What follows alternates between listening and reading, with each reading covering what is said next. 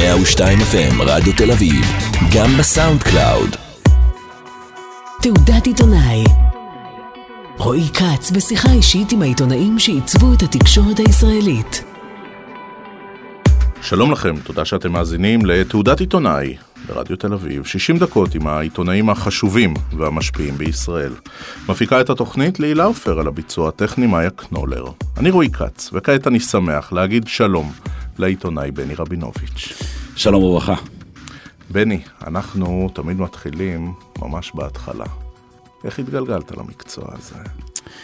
לפני קצת יותר מ-30 שנה הוקם העיתון החרדי יתד נאמן. אם זה כל כך מעניין אותך לשמוע את השתלשלות הקמת העיתון הזה, שווה שיחה נפרדת. הפיצול. הפיצול, בהחלט. אה, אני גרתי אז בדרום, באופקים, והתבקשתי לקחת חלק בנושא של ארגון העיתון, זאת אומרת מבחינת מנויים באזור הדרום. בכלל עניין לוגיסטי. עניין לוגיסטי. ואז נאמר לי, תשמע, אה, אתה כבר גר באזור הדרום, אם יש שם דברים מעניינים, שלח לנו ידיעות ואנחנו נכניס אותם לעיתון. באופן הכי פשוט, אני בכלל לא התחלתי לעבוד כעיתונאי, אני התחלתי בעצם לעבוד כמישהו שטיפל בנושא של המנויים. כמישהו שעובד בעיתון. עובד בעיתון. עכשיו, אה, בשנים האלה אתה אה, צעיר בן 25, אבל ספר לנו קצת על, על הבית. אפשר לנחש. אני אז דרך אגב במקביל הייתי מורה, מחנך כיתה בבאר שבע, בכיתות אה, ז'-ח', בית ספר בית יעקב בעיר עתיקה בבאר שבע. בית ספר חרדי. בית ספר חרדי של החינוך העצמאי. זה היה התחום העיסוק שלי העיקרי. ובבית הייתה איזה מודעות, כשהיית אדם צעיר יותר, נער, ילד. אה, ממש לא. איזושהי מודעות. אני הייתי טיפוס ש, שמודע לתקשורת, כי אני גדלתי בצעירותי, בילדותי, נולדתי. ליד אה, בניין הרדיו בירושלים, רשת ב', מה שנקרא בניין חוטי ירושלים, אני עוד זוכר. בית החוטים. בניין הטלוויזיה שמיד צמוד אליו. מה זה תקשורת? אני ידעתי. אני גדלתי על תקשורת, אני... היה לי טיפ-טיפה משיכה לתקשורת, אבל... ובבית קראו המודיע? אה, בבית קראו המודיע בדרך כלל, נכון. זה היה העיתון היחידי שהיה עד אז, נכון. ואז הוקם יתד נאמן, אה, אני זוכר אפילו את הידיעה הראשונה ששלחתי, כי אתה יודע, היא ממש מתחברת לי אקטואלית ל, ל, לפרשת השבוע שקראנו בשבוע שעבר. אני חושב שהידיעה הראשונה הייתה הרצאה של אה, דוקטור אה, אלי שוסיים, שהוא יושב ראש אגודת אפרת, שמטפלת בעניין שנלחמת, או יותר נכון, עוזרת. סוגיה של הפלות. סוגיה של ההפלות. הוא הגיע להרצאה באופקים, אני זוכר שהוא נתן איזשהו נתון בומבסטי על מספר ההפלות במדינת ישראל. זה היה נתון מבחינתי כזה, היה נשמע לי מאוד מאוד רציני, ושלחתי ליתד נאמן ידיעה על דוקטור שוסן, כך וכך מספר ההפלות. ידיעה אחת, ידיעה שנייה, ותוך כמה ימים כבר קיבלתי כתב מינוי אה, להיות הכתב של אתה יתד... אתה כתבנו בדרום. כתבנו בדרום.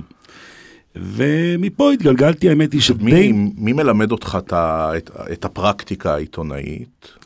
אז אני אומר, היו לי פה אה, מורים משני הכיוונים. אה, היה לי מורים מצד אחד במגזר הכללי של התקשורת הכללית. ידידי הטוב. מורים מפתיעים. מורים מפתיעים מאוד, שמאוד עזרו לי. אחד המורים הזכורים לטובה וידידי טוב, אורי בינדר, מעיתון מעריב. עיתונאי ותיק מאוד, אני חושב שכבר היום הוא כבר לא נמצא במקצוע, נדמה לי שהוא עובד היום כן, ברדיו. כן, הוא חצה אפילו קצת את הקווים. קצת הקווים, נדמה לי שהוא עדיין יש לו איזושהי תוכנית ברדיו דרום. אבל עשרות שנים בעיתון. עשרות שנים. הוא גם ליווה אותי, אתה יודע, במישור המעשי. לקח אותי למשטרת באר שבע להכיר את, ה, את האנשים, את הדובר של משטרת באר שבע, לקח אותי לבית המשפט, להכיר את המזכיר של בית המשפט, פשוט ליווה אותי, וגם אני חושב שהוא אז נתן לי ספר, שאני לא זוכר מי כתב אותו, ספר על כתיבה עיתונאית.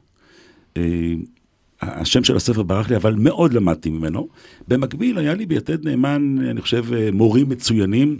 העורך הראשון של יתד נאמן, הרב גרילק, איש מקצוע מהמעלה הראשונה, היה עורך של המוסף, הרב חסידה, באמת, אנשים משכמם ומעלה.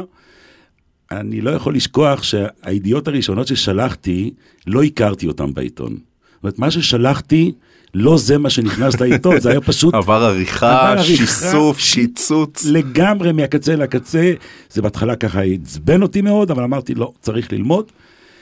וכך למדתי, למדתי במשך ואיך הזמן. המשפחה מקבלת את זה שבני הצעיר, שעד עכשיו היה מורה, פתאום אה, בחר במקצוע עיתונות, שצריך להגיד, הוא לא מהמקצועות שממליצים עליהם לצעירים חרדים. אספר לך קוריוז, שאני לא חושב שסיפרתי אותו עד היום.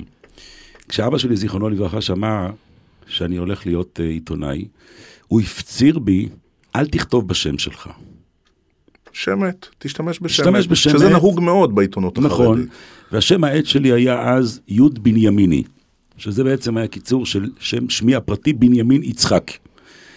אה, ואני חושב שאפילו אבא שלי, זיכרונו לברכה, נתן לי את השם. תכתוב בנימיני. דרך אגב, אה, היו ראשי ישיבות שבמשך שנים רבות, גם שכבר השם שלי הופיע מלא בעיתון, תמיד קראו לי בנימיני. ראש ישיבת נתיבות, עכשיו בדיוק היה החמש שנים לפטירתו, הרב יששכר מאיר. עד לפטירתו, הוא היה קורא לי בנימיני. לא רבינוביץ', לא בנימין, לא בני, בנימיני, זה היה מותג השם. זה מותג. כן, כן, היה מותג. אה, אבל האמת היא שדי מהר, מכתב באזור הדרום, מאוד מהר אני נמשכתי לעבודת התחקירים. ובעצם הייתי התחקירן הראשון בתקשורת החרדית, עם שורה ארוכה, מאות מאות תחקירים מאוד מאוד אה, משמעותיים. סתם קוריוז אה, בהקשר למה שדרך אגב היה עכשיו בעובדה על מה שקורה במכון המשפטי באבו כביר.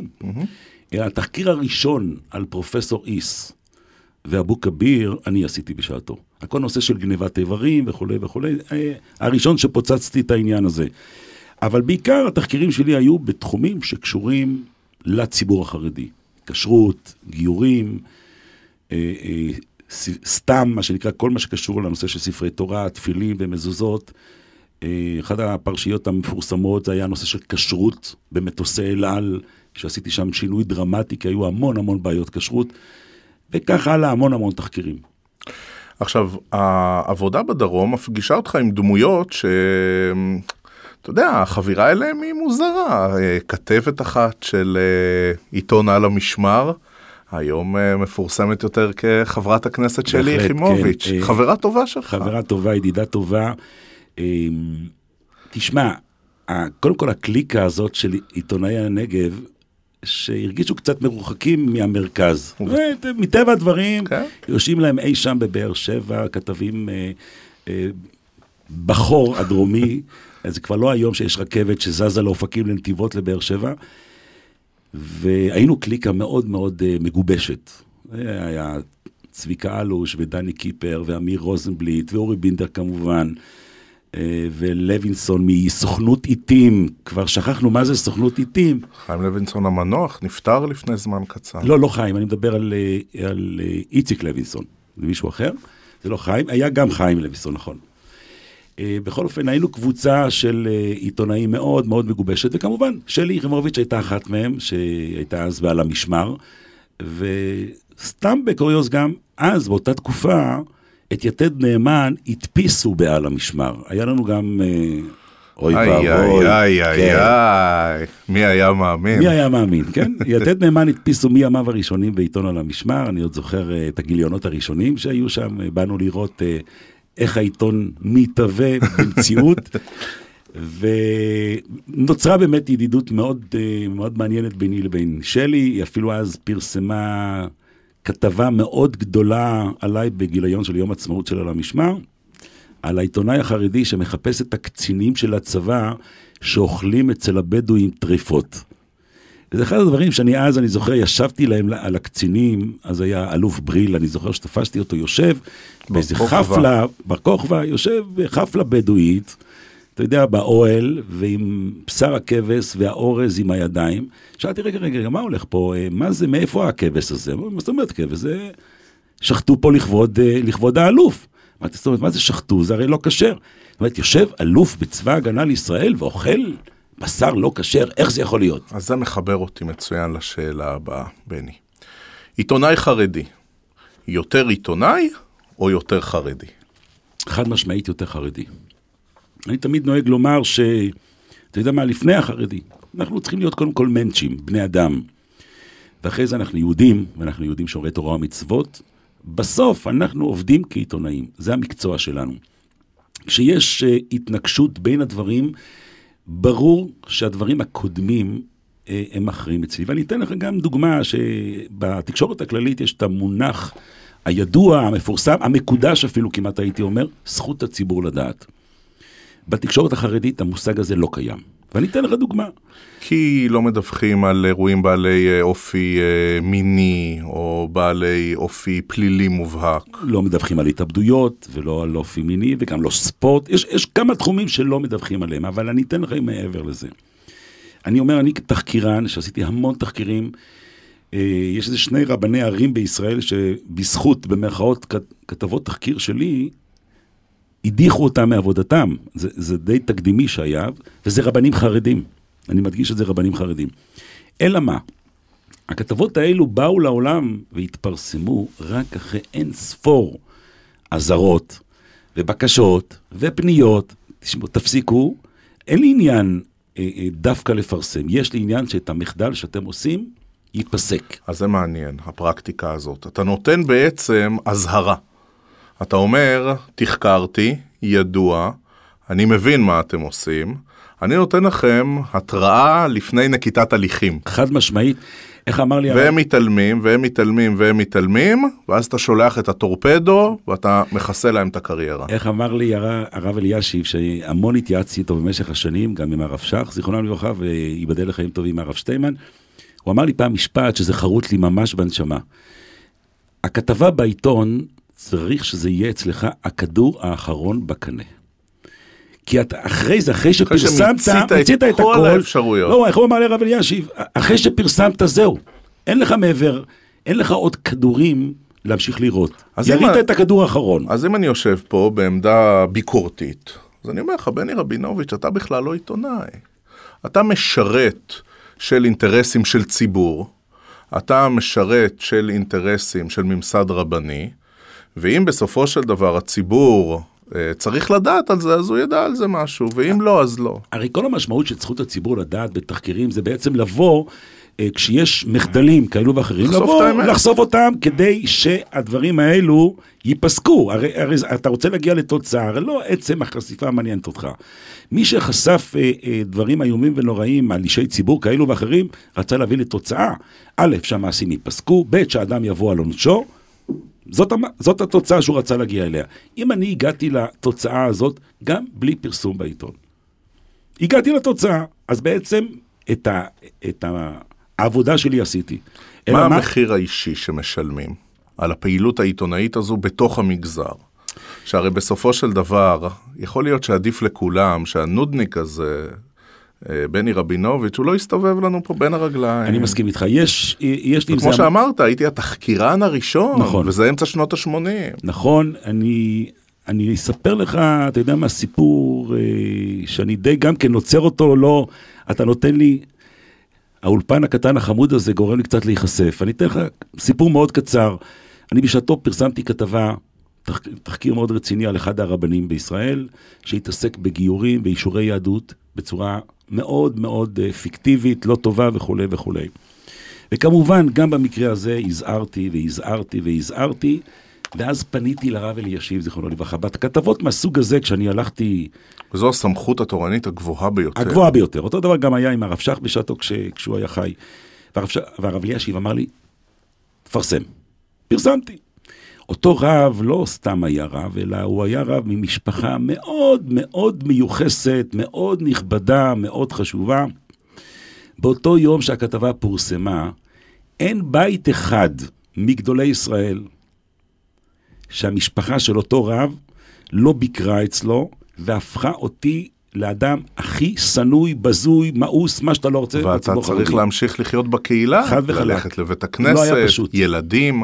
לא היה פשוט, אבל, תראה, זה לא קיבל פרסום, אבל מבחינתי האישית, שאני הייתי מודע לכל המהלכים שנעשים פה, זה היה יום לא פשוט. אבל אני אגיד לך יותר ומתי מזה. ומתי אומרים לך בני המשפחה, אבא, או בני, או בן, די, די. אתה, אתה יודע, עולה לנו ביוקר. אתה יודע איזה טלפונים אני קיבלתי? לא, מה, מהמשפחה בהחלט היו מצבים שאני כתבתי תחקירים כאלו ואחרים, שבהחלט בבית זה לא היה דבר קל. בהחלט לא היה דבר קל. היו בשעתו, כשהיה, רק אני אסיים את הסיפור הקודם, שאני, זה סיפור בבקשה. מאוד לא פשוט. בכל אופן, אה, זה מי לא... מי היה הרב? אני לא אגיד את השמות. כבר פרסמת את הסיפור? לא, לא, לא, לא, לא, אני לא רוצה, כי הבן אדם הזה, אותו רב, אנחנו מאז התיידדנו והתפייסנו. אתה אומר, אני לא מעורר מתים מרבצם. לא, בהחלט לא, כי באמת... אה, ואז אה, הם באו כמובן לגדולי ישראל, והייתה החלטה אצל גדולי ישראל, מקימים בית דין מיוחד, שידון בטענות שלהם, שהכתבה שלי היא שקרית, מצוצה מהאצבע. מי שמינה את בית הדין היה לא פחות ולא יותר הרב אלישיב, מינה שלושה אבות בתי דין, ודרך אגב, אבות בתי דין מבתי דין האזוריים הרגילים, ישבו ודנו. אני הופעתי, הוא הופיע, הוא אפילו לא הסכים להופיע מולי, היינו צריכים כאילו בנפרד. יום בהיר אחד אני שומע, נגמרו הדיונים, ויש החלטה של בית הדין. ביקשתי לקבל את ההחלטה, אמרו לי, אין. לא תקבל את ההחלטה. נון פייפר. מה זאת אומרת לא מקבל? תשמעו, השמיצו אותי בכל העולם כולו, באמת, אין רב וגדול בישראל שלא היו אצלו. אמרו לי, תשמע, היות ואותו רב שאתה כתבת נגדו, התחייב בפנינו שהוא מפסיק להתעסק בדברים האלו, בתמורה לזה אנחנו התחייבנו לו שאנחנו לא מפרסמים את ההחלטה. והשורה התחתונה ברורה השורה התחתונה לגמרי. שבאתי לרב אלישיב, והרב אלישיב אמר לי, אתה צודק. ואני מרשה לך, ותפרסם בעיתון, שהיה דין תורה, והתברר שאתה לא צריך להתנצל. זה מה שהוא נתן לי לפרסם, וכך היה. אבל הדבר היותר משמעותי היה, שאביו של אותו רב, כעבור זמן, זה היה כמה ימים אחרי זה, הוא קיבל אירוע מוחי.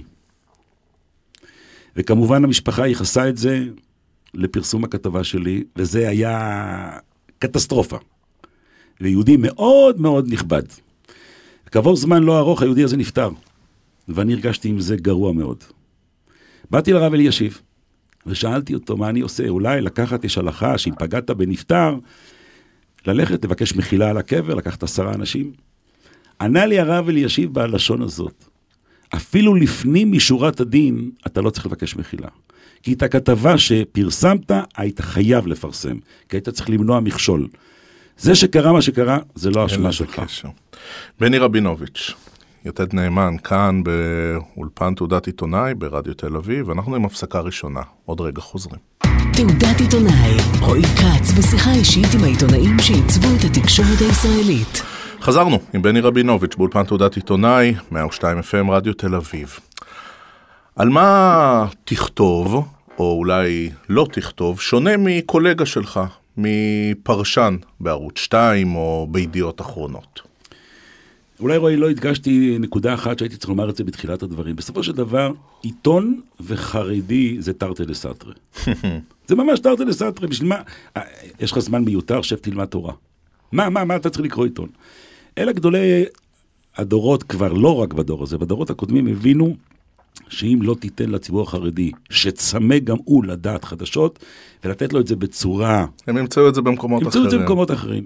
אז לכן, דרך אגב, הרב שך היה נוהג לומר שהקים את יתד נאמן, שיתד נאמן צריך לראות עיתון. לא דף גמרא. צריך להיות תמונות. ותמונות צבעוניות. ובתנאי שאין תמונות של נשים. אין תמונות של נשים, אין דברים שאי אפשר לתת ואסור לתת. אבל הציבור רוצה לדעת מה קרה אתמול מבחינה פוליטית, מבחינה ביטחונית, מבחינה מדינית, מבחינה כלכלית. אבל המציאות הישראלית נורא מקשה עליכם. כי במציאות הישראלית אה, שלל פרשיות המין של העשור האחרון, שמעורבים בהם אה, דמויות מאוד בכירות, אה, הנשיא קצב יתד נאמן ואחרים. לא כתב מילה אחת. הפרשת התיק הפלילי של... אז היה כתוב בסוף, משהו- ש- היה, היה כתוב באיזושהי צורה להגיד את השורה אבל, אבל, התחתונה. אבל זו מציאות, שום דבר. שום דבר, מילה וחצי מילה לא. כלום. ופרשות אה, פרשות רצח איומות, ואירועים פליליים מאוד מאוד מאוד קשים, חלקם נוגעים בצורה כזו או אחרת, או מאיימים בצורה כזו או אחרת. שום מילה. כל אה, מה שקשור לרציחות בתחום הפלילי, לא. ובני, אתה רוצה, כן. ואתה באמת מאמין שהציבור לא יודע על זה, או שהוא פשוט לא מקבל את זה ביתד נאמן, אבל הוא יקבל את זה במקום אחר? תראה, איך אפשר להסתיר פרשה כמו פרשת הנשיא קצב מקבוצה כל כך גדולה ואינטליגנטית של אנשים? אז אני רוצה, אה, יש פשוט אה, חוסר היכרות עם הציבור החרדי. אז באמת, יש חלק מהציבור החרדי, אני לא אכנס כרגע, ל... לא אנקוב במספרים, יש ציבור חרדי שנחשף לתקשורת ונחשף לכל התקשורת, אה, אם זה במקום העבודה ואם זה במקום אחר, הוא, אין, אין ספק שהוא נחשף. יתד נאמן, כשהוא מביא עיתון לאנשים הביתה, הוא גם צריך לקחת בחשבון שאת העיתון הזה גם קוראים ילדים. כולם קוראים אותו. השאלה היא, איך העיתון הזה יכול להיות שאדם מבוגר יוכל לקרוא ידיעה מסוימת, אבל הילד לא. אתה שואל אותי, אם תיקח ילד חרדי, ותשאל אותו האם הוא יודע אם אה, מוישה קצב יושב בבית סוהר, לדעתי, רוב הילדים לא יודעים. לא מודעים. ואתה שמח בכך. שום, אני לא רואה שום בעיה ש... אה, איך אומרים, חור בהשכלה הזאת, במרכאות או בלי מרכאות, שילד חרדי לא ידע שמשה קצב, נשיא מדינת ישראל, יושב על מה שהוא יושב. שום בעיה לא רואים את זה. אבל בעבר הממסד הרבני יכול היה לשלוט בזרימת האינפורמציה לתוך המגזר. ולכן גם אמרת, הקימו אה, עיתונים שנראים כמו עיתונים. אבל היום אה, קווי אה, טלפון וטלפונים חכמים ואינטרנט, יש המון המון אמצעי מידע שקשה מאוד לפקח עליהם. זה לא רק המלחמה במכשיר הטלוויזיה. אתה, שוב, בן אדם הולך ברחוב, ואם הולכים ברחוב אנשים בצורה לא צנועה, אתה לא יכול, אתה, אתה לא הופך את הרחוב לטהור וקדוש. אין, זה המציאות הישראלית ואנחנו צריכים להתמודד איתה. השאלה היא, בתוך המציאות הזאת, איך בכל זאת, ומי בת... שכן... השאלה אם בתוך עיתון יתד נאמן, ופה אני מבקש אה, שתחשוף אם קיים כזה, יש דיון מתמיד. על רגע, את זה צריך, כי כבר, כי השנה היא כבר לא 95 לא. או 85. יש דיונים על נושאים מסוימים, ואני מיד אתן לך דוגמה, אבל שוב, אתה לוקח, אה, לוקח בחשבון שכל הציבור החרדי חשוף לתקשורת, לא, לא. שכל הציבור החרדי חשוף אפילו בכלל לעיתונים החרדיים. אתה יודע מה, אני אגלה לך בסוד, שאף אחד לא שומע אותנו, יש ציבור חרדי גדול, גדול, שלא קורא שום עיתון, ולא שומע שום רדיו. וזה פשוט לא מעניין אותו. כדי לדעת את החדשות, הוא יכול אולי להציץ אצל, ה, אצל העיתון של השכן. אה, אה, שוב, מה, זה, מה זה נוגע לו, מה שנקרא בסלנג שלנו, הלוך למעשה? מה זה משנה לו? אני מדבר על אנשים שיושבים ולומדים, ובאמת תורתם אומנותם במובן האמיתי של הדבר הזה, מנותקים. יש ציבור שנחשף לרדיו כזה, יש ציבור שנחשף לאינטרנט כזה, ואני יכול לתת לך דוגמה אחת. ו- וזה נושא שבהחלט עלה לדיון, נושא של, כך, נושא של פגיעות מיניות בתוך הציבור החרדי. ברגע שהייתה החלטה אי, באיזושהי צורה כן לכתוב, והשאלה גם איך לכתוב, כל דבר, היא לפעמים מתקבלת החלטה לאור נסיבות כאלו ואחרות, שיש נושא מסוים שצריך להתייחס אליו. השאלה היא במקום, בצורה, בהגשה. אז בשביל כל זה... כל מונח נבדק. כל דבר כל כזה נבדק. כל מילה נבדק. נבדקת. ולשמחתי אני יכול לומר לך שאני אחד הכתבים בעיתון, שבמשך כל השנים היה לי קשר ישיר והדוק עם הרבנים, מה שנקרא הוועדה הרוחנית של העיתון. אה, כי א', רציתי להתייעץ על דברים, כי עסקתי בנושאים מאוד רגישים, הנושאים הכי רגישים של יתד נאמן, אני התעסקתי איתם, והייתי צריך ליווי צמוד, לא תמיד הייתי יכול להיכנס לרב שך, זיכרונו לברכה, או לרב אלישיב, זיכרונו, לא תמיד זה היה לי את הנגישות הזאת. יש לי את הרבנים של הוועדה הרוחנית. לפעמים, מסיבות כאלו ואחרות, פסלו, ורציתי לדעת למה פסלו. לפעמים נאבקתי, והצלחתי גם לשכנע אותם במקרה מסוים, שאין מקום לפסול, או לתקן, או לשנות. אני אתן לך דוגמה, לפני כמה שנים אני פרסמתי כתבה, סיור מאוד מעניין שעשיתי בעיר העתיקה בירושלים. מאוד התלהבתי, כי דרך אגב, אני גם, בילדותי גם, הייתה תקופה ארוכה שגדלנו בעיר העתיקה, חייתי את הנושא הזה, ואתה יודע מה, הכתבה שלי הייתה במידה מסוימת קצת, אה, איך אומרים, יותר מדי מתלהבת, בעיקר על אותם אנשים שגרים ברובע המוסלמי של העיר העתיקה בירושלים. ובעצם פה בא אחד הרבנים בוועדה הרוחנית ואמר לי, רגע, רגע, תשמע, כל הנושא הזה של לגור בלב אה, אה, אוכלוסייה ערבית, על כל המשתמע מכך, מבחינת הסיכון, מבחינת מי צריך את זה וכולי, איך אומרים? תקרר, תקרר. תקרר את העניינים. אתה יודע מה, במחשבה שנייה אמרתי, תשמע, הוא צדק, אני, אני לא, אני הייתי, התלהבתי מהסיור, פתאום הגעתי לאיזשהו חור מסוים ברובע המוסלמי, והנה גם פה גרה משפחה יהודית. איך אומרים? שמים, איך אומרים, מחזירים אותך עם שני הרגליים על הרצפה. אני רוצה להקשות עליך, בני רבינוביץ'. למה חילוני שנפטר לא מקבל תואר זכרו לברכה ביתד נאמן? למה הזלזול בציונות הדתית, שמקבלת תמיד את המונח, את ראשי התיבות אה, ד' ל'? אני רוצה לתת לך דוגמה, דל כעני. אני רוצה לתת לך את הדוגמה של אחד הרבנים בציונות הדתית, שאת המאבקים, את כל המאבקים נגד הרב הזה אני ניהלתי. והוא אחד הרבנים הכי נכבדים וחשובים בציבור הדתי-לאומי, שמות, בני, ששמו שמות. הרב חיים דרוקמן. אני כן אומר הרב חיים דרוקמן, כי אני לא פה ביתד נאמן, אני פה ברדיו תל אביב, אז איך אני... היית מכנה אותו ביתד נאמן? אז אני אומר לך, תראה, הרי בעצם מה המאבק נגד הרב דרוקמן היה במשך כל השנים? שאני אומר לך... סוגיות אני, הגיור. סוג, סוגיית הגיור. עכשיו, לא, אני, אני לא רוצה להקצין את זה חס וחלילה לרב דרוקמן, כי אני לא אומר את זה עליו. אבל בואו ניקח דוגמה של רב בישראל, שהיה לי מקרה כזה, שנתן כשרות על נבלות וטרפות. כן, זה לא הרב דרוקמן, זה רב אחר, בעיר אחרת, במקום אחר, שהוא הודח מתפקידו, ולצערי הוא כבר גם לא, אפילו לא בין החיים. האם האדם הזה, שנתן במודע כשרות לנבלות וטרפות, יכול מהיום והלאה להיקרא רב? לא. אין, זה, אתה לא יכול להיות רב ולתת כשרות לנבלות וטרפות. אין דבר כזה. זאת אומרת, המשמעות היא שבן אבל למה אדם- העיתון מסרב לכבד אדם חילוני שנפטר ולהוסיף את אה, צמד האותיות זכרו לברכה?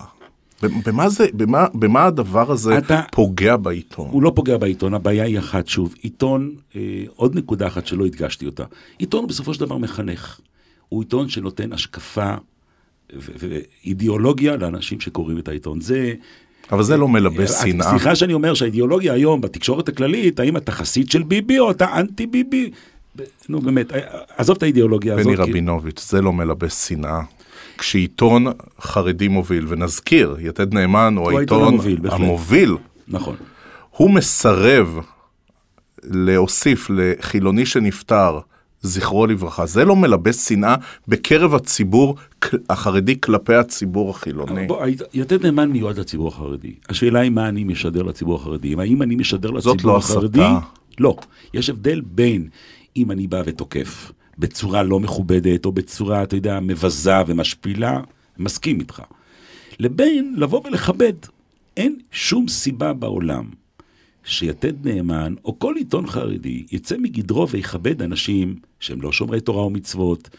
אני צריך לחנך ילד, את הילד שלי שפותח את יתד נאמן, שית, שאני, שהוא יקרא בעיתון שאני מכבד אנשים שהם אנטי אמונתו, אנטי דרכו, אנטי השקפתו. אתה יודע מה? בקצה השני של המתרס, מה אני בעצם משדר לקוראים? שאדם כזה הוא מכובד בעיניי? אז אני לא, לא אומר, אפילו לא אחרי מות. לא, אני לא אומר, מצד אחד, אל תבזה. אני לא אומר שצריך להשפיל.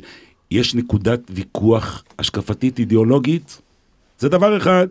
אבל מפה ועד אה, אה, לבוא ולפרגן ולהלל ולשבח, אז הידיעה תהיה מה שנקרא בסלנג ידיעה יבשה, פלוני אלמוני נפטר, כמו שיתד נאמן דיווח על חבר כנסת אה, חדש שנבחר בליכוד, גם אם הוא לא, אה, מה שנקרא, במרכאות או בלי מרכאות, אה, אה, באהוב החברה החרדית, כן, ממש בכיוון השני, אבל יש עובדה, נבחר חבר כנסת ששמו אוחנה, נקודה, יתד נאמן דיווח על זה.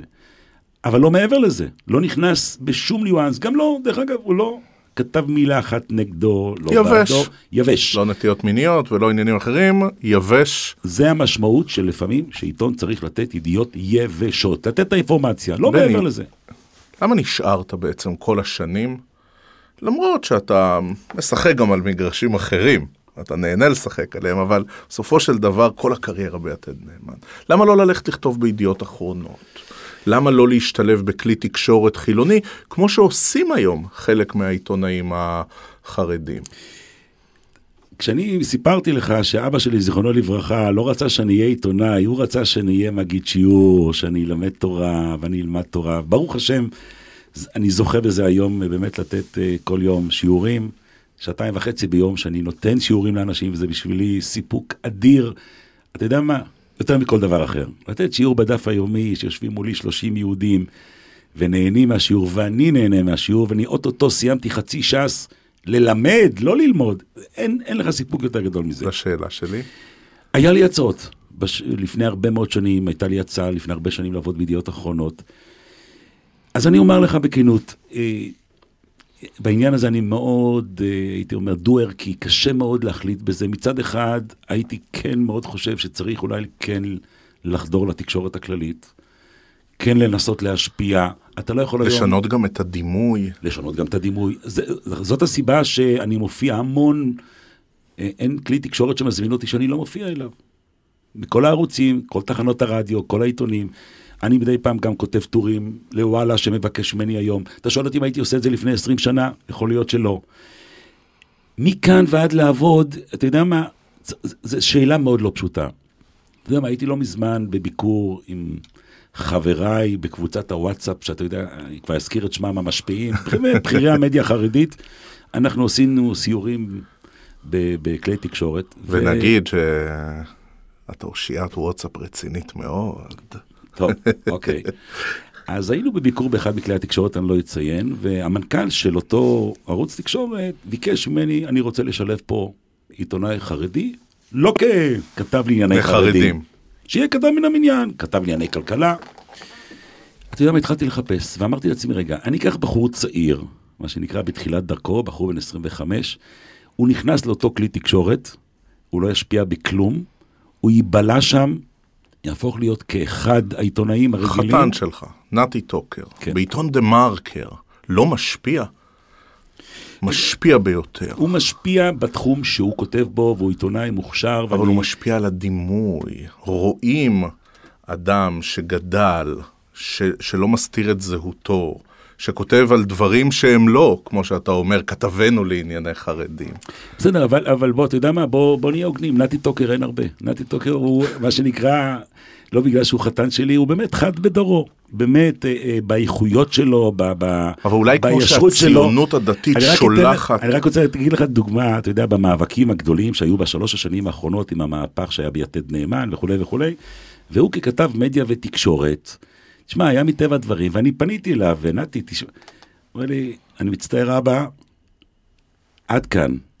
עד כאן. אנחנו אומרים, אבל פה, בקטע הזה, ואני אומר בכנות... אבל הציונות הדתית, בעקבות הקריאה של אה, אורי אורבך המנוח, הטובים לתקשורת, היא שלחה ממש כוחות, כוחות, כוחות. המגזר החרדי נמנע בינתיים. פה מדווחים על אחד גלי צה"ל, אה, אבל, אבל, לא, אבל לא במאסות. אה, בלי להזכיר שמות, אבל מה שקרה בעצם לאותם כתבים, סרוגים שאני קורא להם, שהשתחלו לתקשורת הכללית, אז מצד אחד, על האג'נדה הימנית שלהם, הם מאוד דואגים. ואוי ואבוי, אתה יודע מה, אני מדמיין לעצמי שיושב בני רבינוביץ' בערוץ 2, בפריים טיים, ומדבר על ויכוח שקשור לנושא השבת, כן? מיקי זוהר, חוק השבת, ואני מביע עמדה שהיא בעד השבת. מה היו מיד מקטלגים אתה... אותי והיו אומרים, אתה דוס, אתה שחור, אז מיד היו מקטלגים אותי. מה שקורה אז... לציבור הסרוגים, העיתונאים הסרוגים, כשהם מדברים על נושאים שקשורים ימין ושמאל, לא כל כך מקטלגים אותם. ופה... את עמית סגל לא מקטלגים על סוגיות של שמאל וימין? לא, הוא, הם, הם מצליחים די לטשטש את זה. מאוד לטשטש, מה פתאום, זה לא ימין, הוא עיתונאי רגיל מן המניין או אחרים. מישהו אינו יודע את הדעות הפוליטיות של עמית סגל? אנחנו מדברים על, על הצופה הממוצע. הצופה הממוצע כמעט ולא רואה את הכיפה אתה אומר, הם משרתים הראש... יותר את האג'נדה הימנית, הם לא משרתים את הכיפה על הראש. בדיוק. הכיפה על הראש היא בעצם כמעט מחוץ לתחום.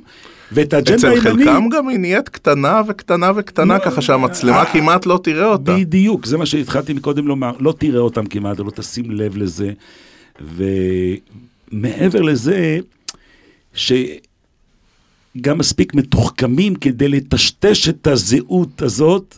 ולהשחיל אותה בכל מיני צורות מתוחכמות. סרבים להיות דוס מחמד של ערוץ 2. בני רבינוביץ', כאן באולפן תעודת עיתונאי, אנחנו עם הפסקה אחרונה. מיד חוזרים. תעודת עיתונאי, רועי כץ בשיחה אישית עם העיתונאים שעיצבו את התקשורת הישראלית. 102 FM, רדיו תל אביב, תעודת עיתונאי, עם uh, העיתונאי בני רבינוביץ', מהעיתון החרדי יתד נאמן. שמע, קצת כמו הבדיחה על uh, שני יהודים, שלוש דעות, ולמה יש שני בתי כנסת uh, במקום בו יש רק יהודי אחד, כל הזמן יש רחש בחש בתוך העיתונות החרדית, עוד פיצול ועוד פיצול, אוהבים לריב. אני תמיד נוהג לומר, אה, כל כך אקטואלי עכשיו גם כן אה, בפרשיות השבוע, עם ישראל היה אברהם, יצחק, יעקב, ופתאום זה התפצל ל-12 שבטים. מה קרה? מה היה רע שימשיך להיות עם ישראל שבט אחד, כולם בדעה אחת? אלא כשאתה מפצל, אז יש לכל אחד גם את הייחודיות שלו. אין, כל אחד, אה, שבט ראובן, יש לו את הייחודיות שלו, ושבט בנימין, כל אחד את הייחודיות שלו, ולהפך, זה לפעמים משמר ומחזק את הזהות של כל שבט ושבט. תראה, אני לא אוהב מחלוקות. אף אחד לא אוהב מחלוקות, אבל... אה, אבל נדמה שהקרב בין יתד נאמן לאפלס יצא קצת, אה, נקרא לזה, מגבולות התחרות העסקית הרגילה. תראה, אה, אני רוצה לומר לך, היות ואני ותיק ביתד נאמן, ואני כבר ממש מיומו הראשון, תראה, אם היה פה ויכוח אידיאולוגי אמיתי, איך אומרים בסלנג? אהלן וסהלן. כן. קדימה. זו לא אידיאולוגיה? שום אידיאולוגיה. מאחורי, הרי מה, מה קרה לאידיאולוגיה הזאת? זאת אומרת, לא יכול להיות שביום בהיר אחד, שעורך עיתון אה, מסולק מתפקידו, כן? אז פתאום כל האידיאולוגיה נגמר, נגמר הכל? איפה, איפה, איפה, מה היה עד היום? עכשיו, מת הרב אלישיב, היה פיצול. כן, אבל, אבל אנחנו הרי יודעים את דעתו של הרב אלישיב, ואני יודע את דעתו של הרב שטיימן. מי הנהיג בסופו של דבר את הדור, גם בתקופת חייו של הרב אלישיב, זיכרונו לברכה? הייתה הנהגה שהרב שטיימן נתן את ה... איך אומרים? את הקדמה, נתן לרב אלישיב להוביל יותר נכון, אבל ההנהגה המציאותית ביום-יומית הייתה משותפת לרב אלישיב ולרב שטיימן, שיבדל לחיים טובים. לא יכול להיות שביום בהיר אחד, בן אדם מחליט, ואני אומר את זה בפה מלא, להשתלט על העיתון ולקבוע את, את, את התכנים שלו. זה, זה היה דבר שהוא בלתי מתקבל על הדעת. מקצועית, ואתה מקצוען תקשורת של 30 שנה. הפלס הוא עיתון טוב? מקצועית. אני אודה ולא אבוש. אל תגיד לי שאתה לא קורא אותו. לא מכניס אותו ליד, לא קורא אותו, לא יודע מה כתוב איך פה. איך אפשר להתחרות אם לא קוראים אותו? לא, הוא, הוא לא...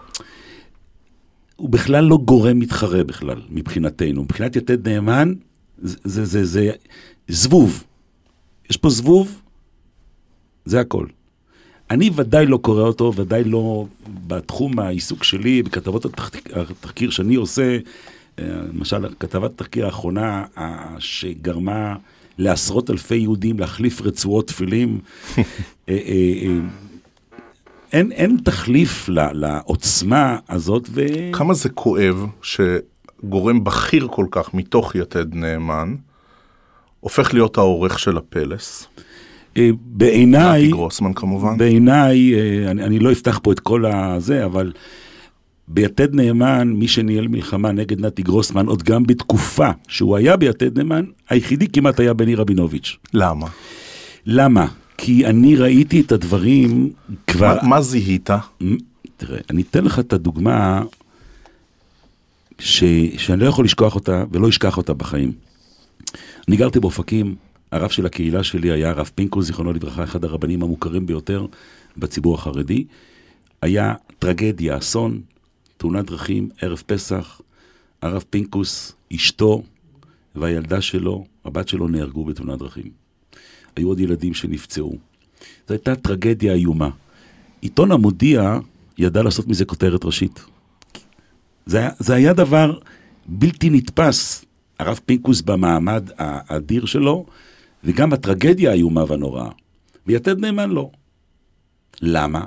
כי היה לו איזה חשבון עם הרב פינקוס. אני לא אכנס עכשיו לחשבון מה היה החשבון, אבל היה חשבון שהוא בא לידי ביטוי כעבור חודש.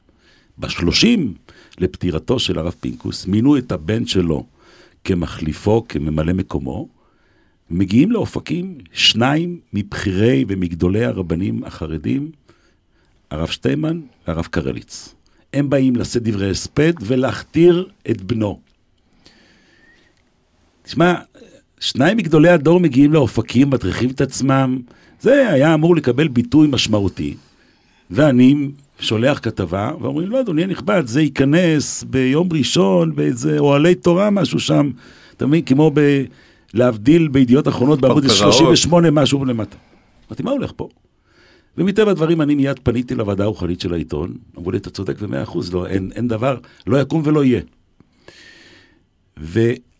ועל אפו ועל חמתו של העורך, החליטו לעשות בשני עמודי חדשות ב- ביתד נאמן ביום שישי, כתבה נרחבת על הדבר הזה. זה פשוט היה מצב ש, שעורך עיתון מנסה להכתיר, מה זאת אומרת?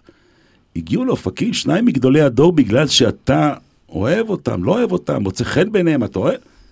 אין דבר כזה. אג'נדה אישית אג'נ- הכתיבה את ההחלטות אז של יתד נאמן. חד משמעית. חד משמעית. ואז, אה, במשך הרבה זמן, שהרב שטיימן כמובן, היות, כמו שאמרתי, נתן לרב אלישיב להוביל את הדברים, בשלב מסוים, דרך אגב, ההחלטה הזאת, לעשות את השינוי הזה ביתד נאמן, הייתה בעיצה אחת. בין הרב שטיימן לבין הרב אלישיב, זיכרונו לברכה. כמה גדול הנזק של הפיצול התקשורתי בציבור הליטאי? אני לא יכול למדוד אותו. ברור שברגע שדברים מתפצלים, אין, אין ספק שיכול... מפרסמים, שיכול... ו- ו- ו- די בשוליים, הריבים וחרם המפרסם הוא דבר מאוד משמעותי. משמעותי מאוד, וצר לי שהמשטרה לא לקחה את זה באופן מאוד דרמטי. כי היו שם אספקטים פליליים לדעתך. בהחלט, כן. יש שם אספקטים פליליים, ויש גם uh, תיקים פליליים שעומדים ומתבררים בבית משפט. המשטרה מאוד השתהתה עם העניין הזה, אני לא מבין את זה מדוע.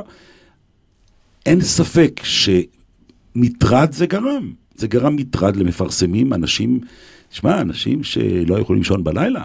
היו מתקשרים אליהם בשלוש לפנות בוקר הביתה, מטרידים אותם בצורה מטורפת. זה היה דבר שהיה חייב להיפסק. כמה קוראים להערכתך הפסדתם? לא, מבחינה הזאת להפך, יכול להיות אפילו שיתד נאמן מאז כוחו הוגבר. איך זה יכול להיות? כי להפך, לפעמים כשיש פיצול, אז מה שנקרא, אנשים רוצים לחזק. יכול להיות, יותר. אתה אומר שהריב עשה טוב. כן. הגדילו אפילו את מספר... הגדיל אפילו את מספר המנויים. שוב, אנחנו מדברים על קבוצה די שולית, אתה יודע מה, בוא נגיד את זה עוד בצורה, במשפט יותר מאוד, שפתאום התחברה לנטורי קרתא. אותה נטורי קרתא ש, שזרקה אבנים על הרב אלישיב. זרקה אבנים, פשוטו כמשמעו, ואני הייתי עד לזה, כן? פתאום, הרי אתה, כמו שאמרת מקודם, זה כל הנתק נוצר אחרי פטירתו של הרב אלישיב, כביכול אנחנו חסידי הרב אלישיב. פתאום, להתחבר לאותם אנשים ש, שירדו לחייו של הרב אלישיב במשך שנים. ויכול להיות באמת שקבוצה כמעט שולית, מאוד מאוד קיצונית, יש שיגידו לא מייצגת, של המגזר החרדי, מחזיקה ממש בכלי תקשורת. בסדר, אין, אה, אה, אין היום בעיה לכל אחד להחזיק כלי תקשורת. אבל זוהי תקופה של מתיחות, זה. אבל זוהי תקופה של מתיחות בין הציבור החרדי לציבור החילוני לדוגמה, בין הציבור החרדי לבין שלטונות צה"ל בנושא של גיוס. והעובדה שיש מי שמלבה, שהעובדה שיש מי ש...